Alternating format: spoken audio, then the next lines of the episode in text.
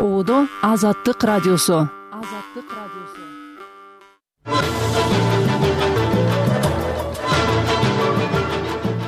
кутман кечиңиз менен сиз тыңдап жаткан азаттык алдыдагы жарым саатта биз айтып берели деген баяндардын мазмуну. Өткөн жылы синтетикалык баңгизаттарды колдонууга байланышкан үч жүз жыйырма беш кылмыш иши катталып элүү алты адам кармалды. Алардын дээрлик баардыгы он сегиз жаштан жыйырма беш жашка чейинки улан кыздар ичинде сим карта деп мени ачтырбай адстен адске алып баргандан кийин ошол жерден милициялар кармап калып ичиндеги башкача затты алып чыгып мага көрсөтүштү. Кичине баскан турганга акча табайын деп ошол ишти жасагам билсем бул нерсени жасайт да болчумун да негизи. Аравандагы балдар интернатынын абалы коомдун сынына кабылды. Мындагы балдар начар шартта жашап тамагачтан өксүгөнү айтылды. Суук табагычтарда тамактарды берсе кээ бир кроваттарда матрастар болбосо жети миңден ашык калк жашаган баткендин кара бак айылында үч жүз аял баатыр эне наамын алды. Бирин мектепке жөнөтөм бири келет бала бакча өзүм үйдө эмне кылам менден алдың турат булар. Азаттыктан бүгүн биз айтып бере турчу темалар мына ушулар берүүнү үзбөй угуңуз. Бүгүн жекшемби жыйырма бешинчи февраль берүүнү мен кундуз кызылжарова алып баруудамын. Ал эми жаңылыктарды кесиптешим эленора бейшенбек кызы айтып берет рахмат саламатсызбы угарман орусиянын украинага каршы согуш ачканынын эки жылдыгына карата чоң жетинин лидерлери киевти колдоп кайрылуу жолдоду анда алар жыйырма төртүнчү февралда согушка туура эки жыл болгон күнү украин президенти владимир зеленский менен жолукканы. Украинаны ар тараптан чечкиндүү колдонуу улантышаары жазылган.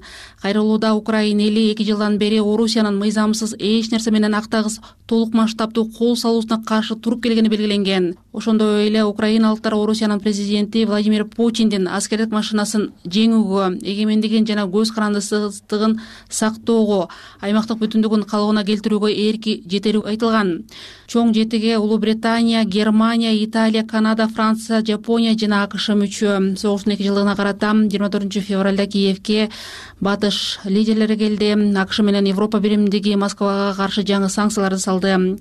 Орусия украинага кеңири масштабтагы согуш ачканына туура эки жыл болду жогорку кеңештин бюджет комитети жыйырма алтынчы февралда талаштуу жалпыга маалымдоо каражаттары жөнүндө мыйзам долбоорун карайт.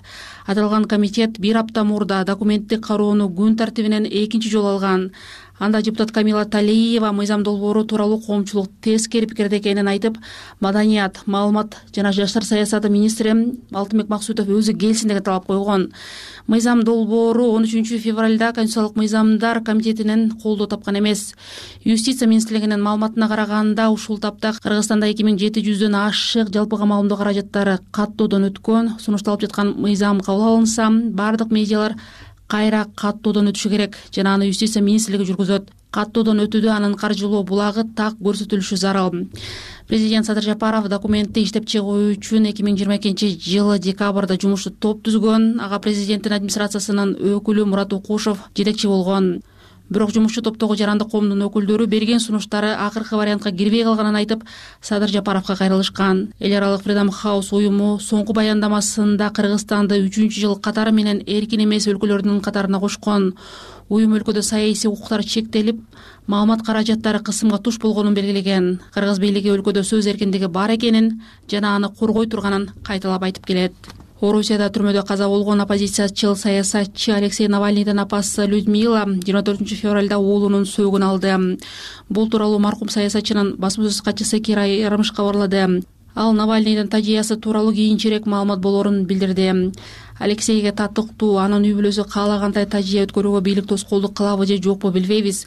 Биз маалымат болоор замат кабарлайбыз деп жазды ярмыш.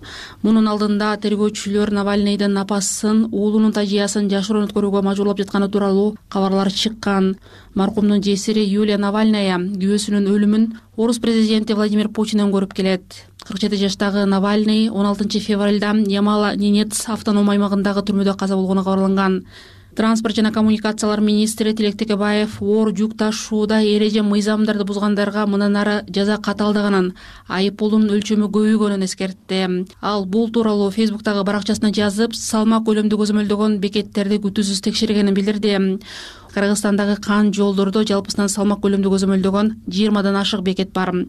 Былтыркы жылдан тартып өлкөдө оор жүк ташуучу машиналарды көзөмөлдөө иши башынан аягына чейин автоматташтырылып адамдык факторду толугу менен жоюу пландалып жатканы айтылган. Мындай бекеттердин кызматкерлери коррупцияга шек саналып кармалган учурлар болгон. Кыргызстанда кытайдан оор жүк ташыган машиналар жолдорду бузуп жатканы буга алар ашыкча жүк жүктөп ченемдерди сактабай иштеп жүрүшкөнү айтылып келген. Аталган министрлик кыргызстанда былтыр июндан сентябрга чейин жүк ташыган машиналарга күн ысыкта жолго чыгуусуна чектөө киргизген президент садыр жапаров маркумду узатуу жана сөөгүн жайга коюу иштерин тескерген мыйзам долбооруна кол койду. Документ былтыр жыл аягында жогорку кеңеште кабыл алынган. Анда маркумду акыркы сапарга узатуу сөөгүн коюуну тескерген бир катар чаралар жазылган бул мыйзам долбоору парламентте талкууланып жатканда көрүш сатуу ага баргандарды жол бергендерди кылмыш жоопкерчилигине тартуу маселелери дагы көтөрүлгөн. Айрыкча бишкекте жана чүй облусунун айрым жерлеринде көрүш сатууга байланыштуу бир катар чуулгандуу окуялар катталган жогорку кеңештин социалдык саясат комитети жыйырма алтынчы февралда баатыр энелерге берилген жөлөк пулдун өлчөмүн көбөйтүү каралган парламенттин токтомунун долбоорун карайт. Буга чейин депутат камила талиева көп балалуу энелерге пенсиясына кошумча беш миң сомдон төлөп турууну сунуштаган. Учурда миң сомдон гана кошулаарын айткан кыргызстанда жети же андан көп балалуу энелерге баатыр эне наамы ыйгарылат. Бир миң тогуз жүз токсон экинчи жылдан бүгүнкү күнгө чейин баатыр эне орденин алгандардын саны кырк миңге жакындады. Алардын арасында пенсия алууга укугу жок болгондуктан социалдык жөлөк пул гана алгандар бар.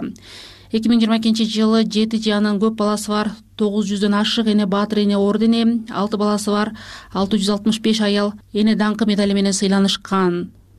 Соңку кабарлар топтому менен эленора бейшенбек кызы болду микрофондо эки миң жыйырма үчүнчү жылы синтетикалык баңгизаттарды колдонууга байланышкан төрт жүз жыйырма беш кылмыш иши катталган. Кармалган элүү алты адамдын дээрлик баардыгы он сегиз жаштан жыйырма беш жашка чейинки балдар.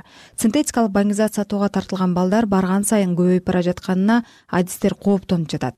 Ички иштер министрлиги болсо байма бай рейдтик иш чараларын өткөрүп өткөн жылы жүз элүү килограмм синтетикалык баңгизат алынганын жарыялады ички иштер министрлигине караштуу баңгизаттарды мыйзамсыз жүгүртүүгө каршы күрөшүү кызматынын уюштуруу жана талдоо башкармалыгынын башчысы марсель дөөталиевдин билдиришинче баңгизатты белгиленген жерге коюп кетүүгө шектелип кармалгандардын саны эки миң жыйырма үчүнчү жылы элүү алты адамга жеткен. Анын экөө өспүрүм калганы он сегиз жаштан жыйырма беш жашка чейинки балдар. Синтетикалык баңгизаттар негизинен биздин өлкөгө кытай иран ооганстан сыяктуу мамлекеттерден кирет. Айрым учурларда орусиядан же казакстандан ташылат. Алар эл керектөөчү товарлар катары киргизилет. Акыркы учурларда ар кандай электр кыймылдаткычтардын ичин алып салып ага синтетикалык баңгизатты салып коюу жана почта аркылуу алып келүү адатка айланган көрүнүш болуп калды. Деп айтты дөөталиев дөөталиев кошумчалагандай дары дармектин бул түрүн сатуунун рентабелдүүлүгүн кирешелүүлүгүн жана аларды өндүрүүнүн жеңилдигин эске алуу менен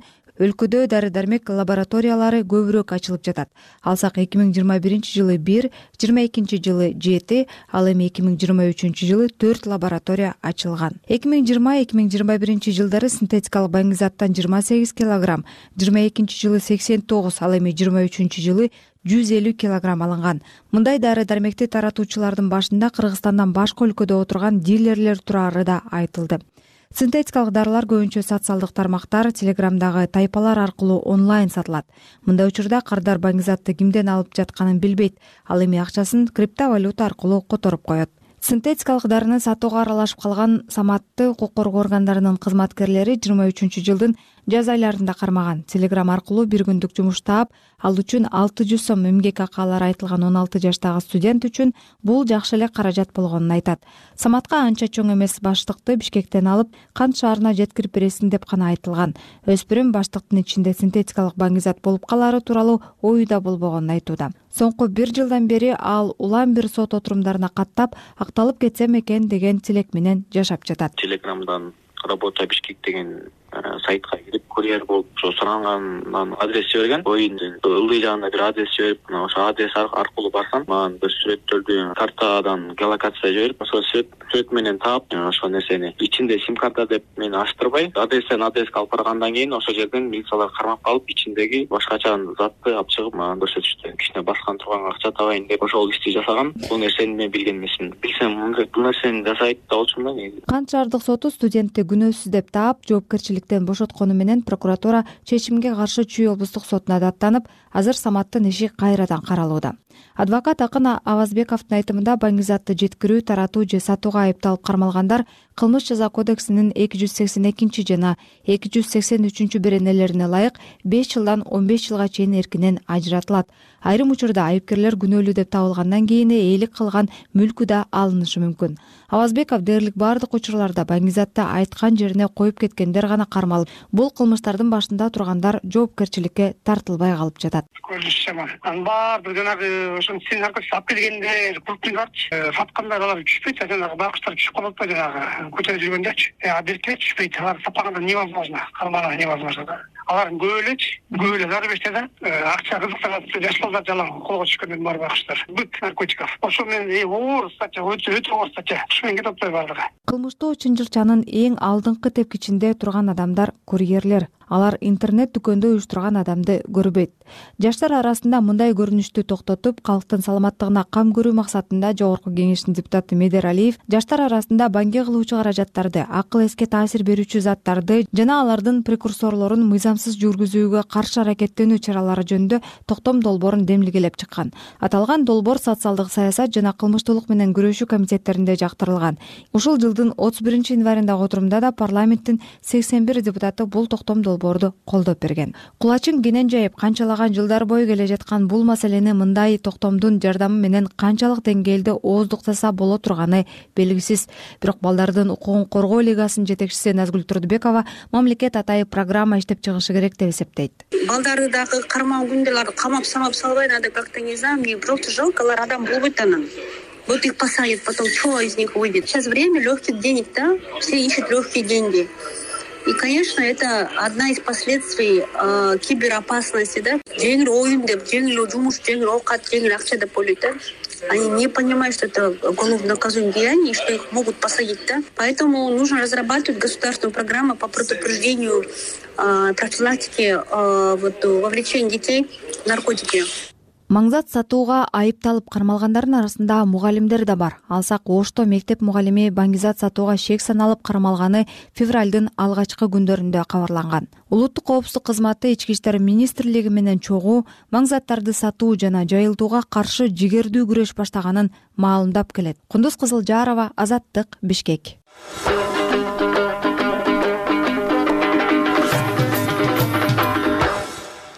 жыйырма бешинчи февралга караган түнү артиллериялык аткылоонун натыйжасында украин бийлигинин маалыматы боюнча эки жай тургун набыт болуп константиновкадагы чабуулда темир жол бекети талкаланды.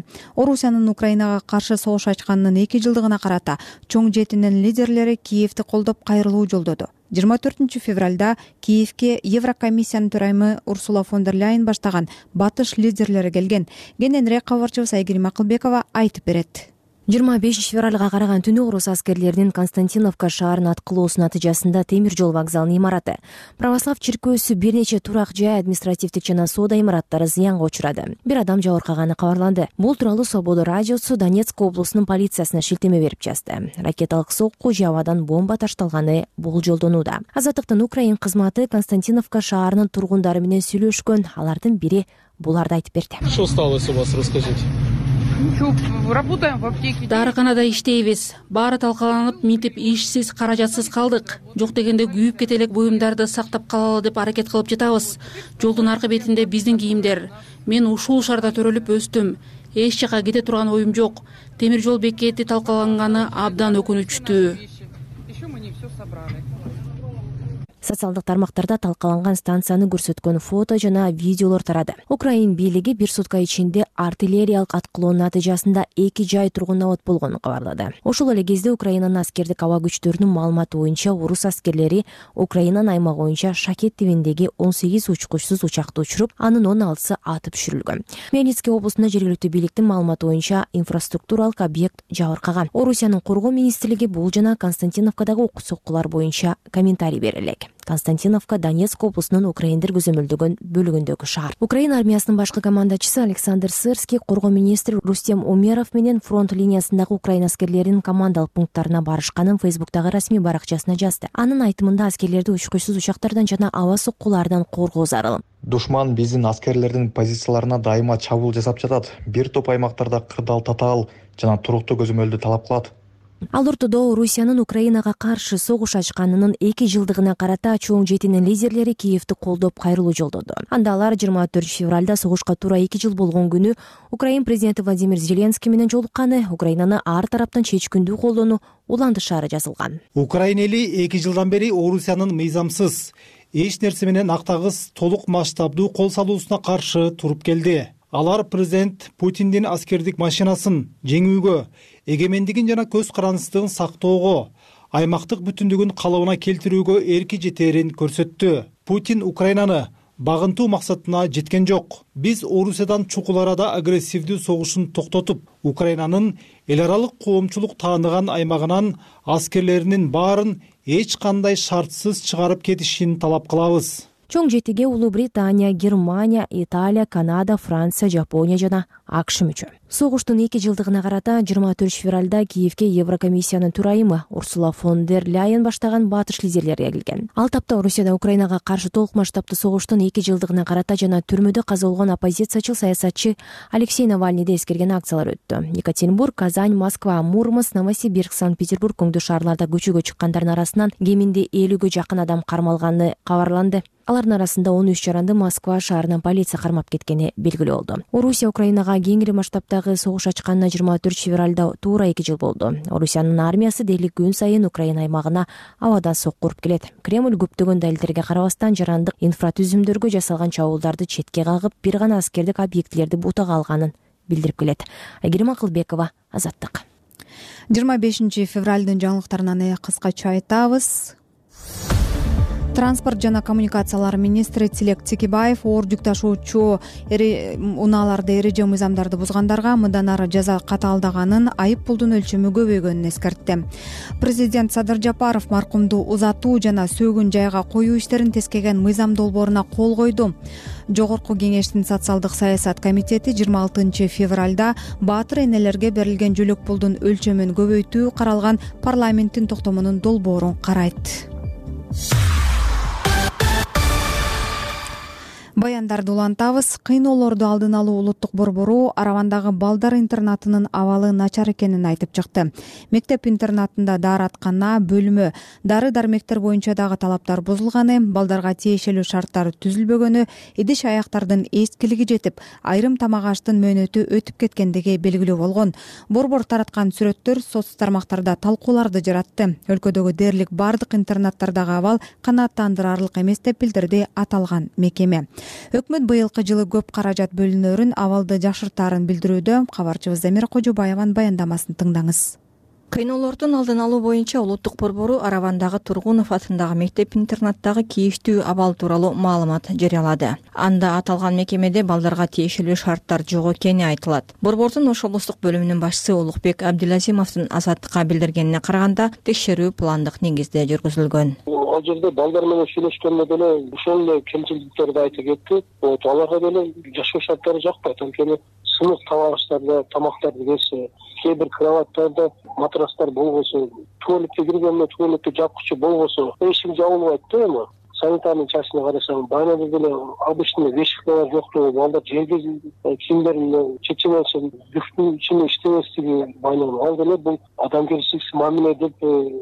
айтсак болот да бул нерселерди. Кайдыгер караганда деп айтсак болот. Тамак аштардын мөөнөттөрүнө караганда тамак аштар жерде жатышы интернаттын жетекчилиги мүчүлүштүктөрдү бир жумада жоюуга убада берген. Укук коргоочунун айтымында тилекке каршы мындай кейиштүү көрүнүштөр бир гана араванда эмес. Ош шаарындагы ош облусундагы башка социалдык мекемелерде дагы кездешет. Билим берүү жана илим министринин орун басары гүлшан абдылдаева араван районундагы мектеп интернаттын абалы боюнча териштирүү жүрүп жатканын азаттыкка билдирди. Национальный центр пыток деген тартып келген боюнча мына бүгүнкү күндө биз азыр райондук билим берүү тарабынан дагы түшүнүк каттарды жергиликтүү бийликтер менен биргеликте ошо карап атабыз. Бул эскилерин деп айтышып атат. Булар өздөрү жагынан жакшыларын көргөзүп атат тиги тарап мындай обратный сторонасын көргөзүп атат. Ошондуктан мыйзамдуу чегинде биз булардын баарына тең азыр өзүбүздүн анализибиздин негизинде анализдеп бул иш чаралардын баарын тең ошо мыйзамдын негизинде жөнгө салабыз. Тургунов атындагы мектеп интернат муниципалдык каржылоодо турган мектептердин бири. Андагы балдардын тамак ашы ата энелеринен чогуу каржыланат. Ал эми керектөөлөрү жергиликтүү бийликтин мойнунда деди министрдин орун басары кыргызстанда мамлекеттен толук каржыланган беш жатак мектеп бар. Бул мекемелерде томолой жетим жана ата энесин кароосуз калган балдар тарбияланышат. Бул мектептерге балдар сот чечими менен кабыл алынат учурда мындай балдар үйлөрүндө төрт жүз алтымыш үч бала тарбияланууда. Ошондой эле мүмкүнчүлүгү чектелген балдар үчүн он төрт мектеп интернат дагы мамлекеттик бюджеттен каржыланат. Балдардын күнүмдүк тамак ашына жаңы жылдан тартып эки жүз жыйырма сомдон төлөнүүдө ошондой эле отуз беш жалпы билим берүүчү жатак мектептер мектеп гимназиялар лицейлер көркөм өнөр мектеп интернаттары дагы бар. Бул мектептерге балдар ата энесинин арызы менен кабыл алынат. Балдардын күнүмдүк тамагына мамлекеттик бюджеттен токсон сом бөлүнөт. Калганын ата энелер кошумча каржылашат. Чарбасын жүргүзүүнү жергиликтүү бийлик каржылайт кыйноолордун алдын алуу борбору. Акыркы үч жылдан бери социалдык мекемелердин абалы. Ал жактагы жашаган адамдарга жасалган мамиле жана башкаларга көзөмөл кылып келет. Маалыматка ылайык негизинен өлкөдөгү баардык социалдык интернаттарга мамлекет тарабынан тиешелүү өлчөмдө көңүл бурулбай келген. Көпчүлүк имараттардын эскилиги жетип капиталдык ремонтко муктаж. Кыйноолордун алдын алуу борборунун жетекчиси бакыт рысбековдун азаттыкка билдиргенине караганда социалдык мекемелердеги талаптарга жооп бербеген шарттар. Андагы адамдардын укугун тебелүү ырайымсыз катаал мамиле жасоо болуп эсептелет. Бул ырайымсыз катаал же болбосо кадыр башты бастырлаган адамгерчиликсиз мамиле. Азыр бийлик тарабынан бул объектилерге дагы көңүл бурулуп атат. Ошол учурда бурулган көңүл берилген каражат канчалык деңгээлде максаттуу кетип атат ал дагы коомчулуктун дагы бийликтин өзүнүн кызыкчылыгы а биз болсо ошонун максаттуу жетип аткан жетпегендигинин дагы бир э, индикатору көрсөткүчү катары э, иш алып барып атабыз да эмгек социалдык камсыздоо жана миграция министрлигинин маалыматында кыргызстандагы интернат тибиндеги социалдык мекемелерде тогуз миң тогуз жүз жетимиш үч бала бар. Бул балдар жалпы жүз отуз жети интернат тибиндеги социалдык мекемелерде тарбияланышат. Мектеп интернаттардын алтымыш тогузу мамлекеттик он жетиси муниципалдык отуз тогузу жеке жана он эки диний мекемелер. Буларда тарбияланып жаткан балдардын беш пайызынын гана ата энеси жок. Министрликтин маалымдашынча кыргызстанда акыркы он жыл ичинде балдардын интернаттык мекемелердин саны жүз он жетиден жүз отуз жетиге жетти эмгек социалдык камсыздоо жана миграция министрлигинен өлкөдөгү мектеп интернаттардын абалы тууралуу маалымат алууга мүмкүн болгон жок. Министрликтин басма сөз кызматы жооп берүү үчүн атайын мөөнөт сурады. Жыйырма экинчи февраль күнү улуттук коопсуздук боюнча мамлекеттик комитети аталган министрликтин жетекчисинин орун басары кармалганын билдирди. Ал мамлекеттик сатып алуулар аркылуу акча каражаттарын мыйзамсыз пайдалануу схемасына аралашууга шек саналып кармалганы кабарланды. Эмгек социалдык камсыздоо жана миграция министрлиги бул боюнча дагы комментарий бере элек замира кожобаева азаттык бишкек. Сергек жашоо сергек жашоо ден соолук улуттук саламаттык интернетте эң көп окулган темалардын сап башында. Баарыбызды медицинадагы илимий ачылыштар дарылоонун жаңы ыкмалары. Канткенде оору сыркоону алдын алып жашоонун сапатын жакшырта алабыз деген маселе ойлондурат. Дал ушул темаларды азаттыктын сергек жашоо подкастынан уга аласыз подкастты apple google spotify аянтчаларынан жана азаттык чекит орг сайтынан табасыз. Сергек жашоо эми аймактан келген баянга көңүлүңүздү бурабыз жети миңден ашык калк жашаган баткендин кара бак айылында үч жүз аял баатыр эне наамын алган. Ошол эле маалда эне даңкы төш белгиси менен сыйлангандар да көп. Кыргызстанда жети жана андан көп балалуу энелерге баатыр эне наамы ыйгарылат. Бул наамды өлкө боюнча ушул күнгө чейин кырк миң эне алган. Баткендеги кабарчыбыз жеңиш айдаров баатыр энелер жашаган кара бактагы көп балалуу эненин турмушун көрүп келди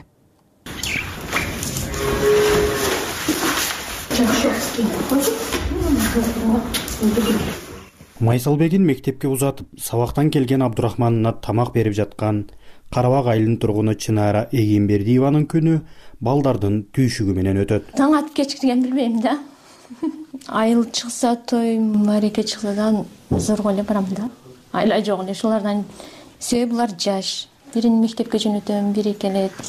Бала бакча жок бул жерде жакын ортодо бала бакча бар бала бакча өзүм үйдө эмне кылам.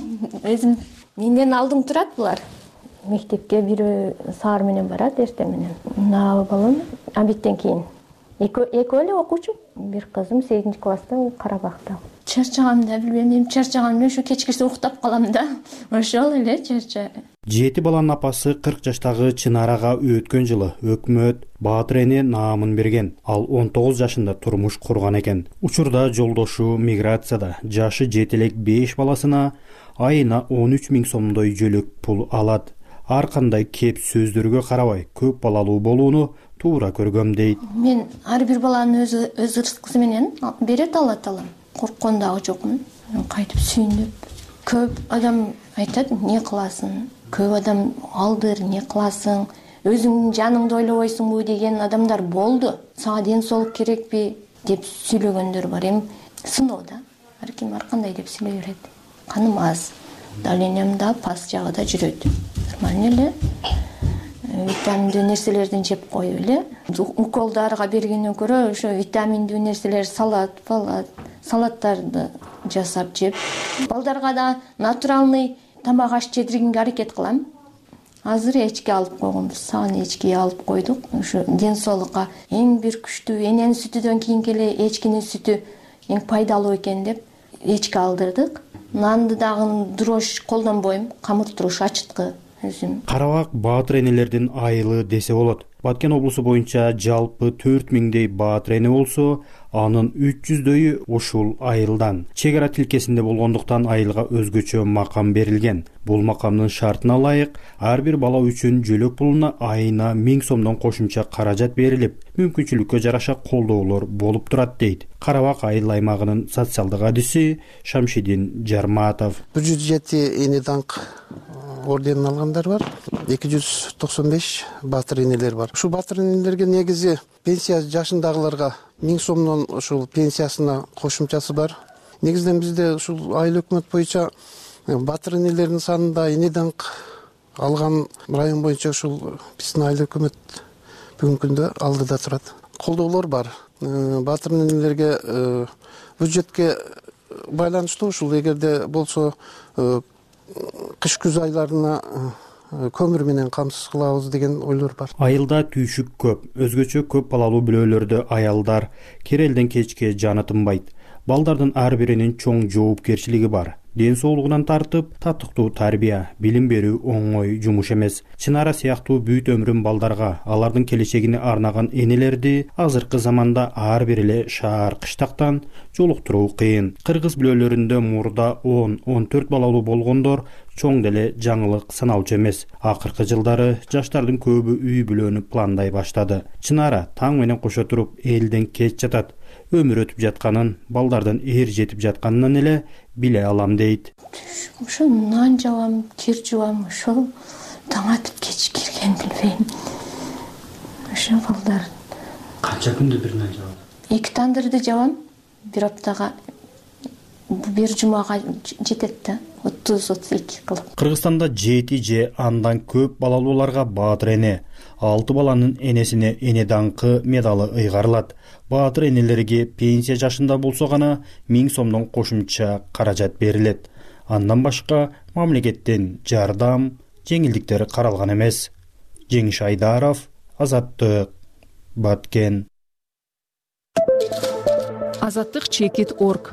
Окуңуз угуңуз жана көрүңүз. Азаттык чекит орг күн сайын азаттык чекит орг сайтында жаңылыктарды макала баяндарды интервью жана талдоолорду сунуштайбыз. Андан тышкары видео программаларды радионун архивин жана кызыктуу сүрөт баяндарды табасыз. Эгер сизге орусча окуган ыңгайлуу болсо анда рус чекит азаттык чекит орг сайтына баш багыңыз коомчулукка айтайын деген өзгөчө пикириңиз барбы? Блог жазыңыз. Биз аны окурманга жеткиребиз. Ошондой эле социалдык түйүндөрдөгү баракчаларыбызга жазылганды. Башкаларга бөлүшкөндү унутпаңыз. Кыргызстандагы жана дүйнөдөгү окуяларга биз менен бирге назар салыңыз. Окуңуз угуңуз жана көрүңүз. Азаттык чекит орг кадырман угарман сизди жогоруда айтылгандай эле азаттыктын сайтынан баш багууга чакырам. Сайтыбызда экономика саясат социалдык темаларда кеңири жазылган макалалар бар. Ошондой эле эксперттер талдайт арай көз чара сыябан биз жана дүйнө өңдүү программаларыбыздын видео варианты да жайгаштырылган. Эгер сиздин убактыңыз чектелүү болуп азаттыктын расмий баракчасына кире албай жаткан болсоңуз app store play алгыс деп тиркемебизди көчүрүп алсаңыз болот. Google play spotify аянтчаларынан болсо подкасттарыбызды угуңуз. Ушуну менен биз жыйырма бешинчи февралда уктурууларыбыздын биринчи бөлүгүн жыйынтыктайбыз. Аны алып барган мен кундуз кызылжарова болдум. Саламатта туруңуздар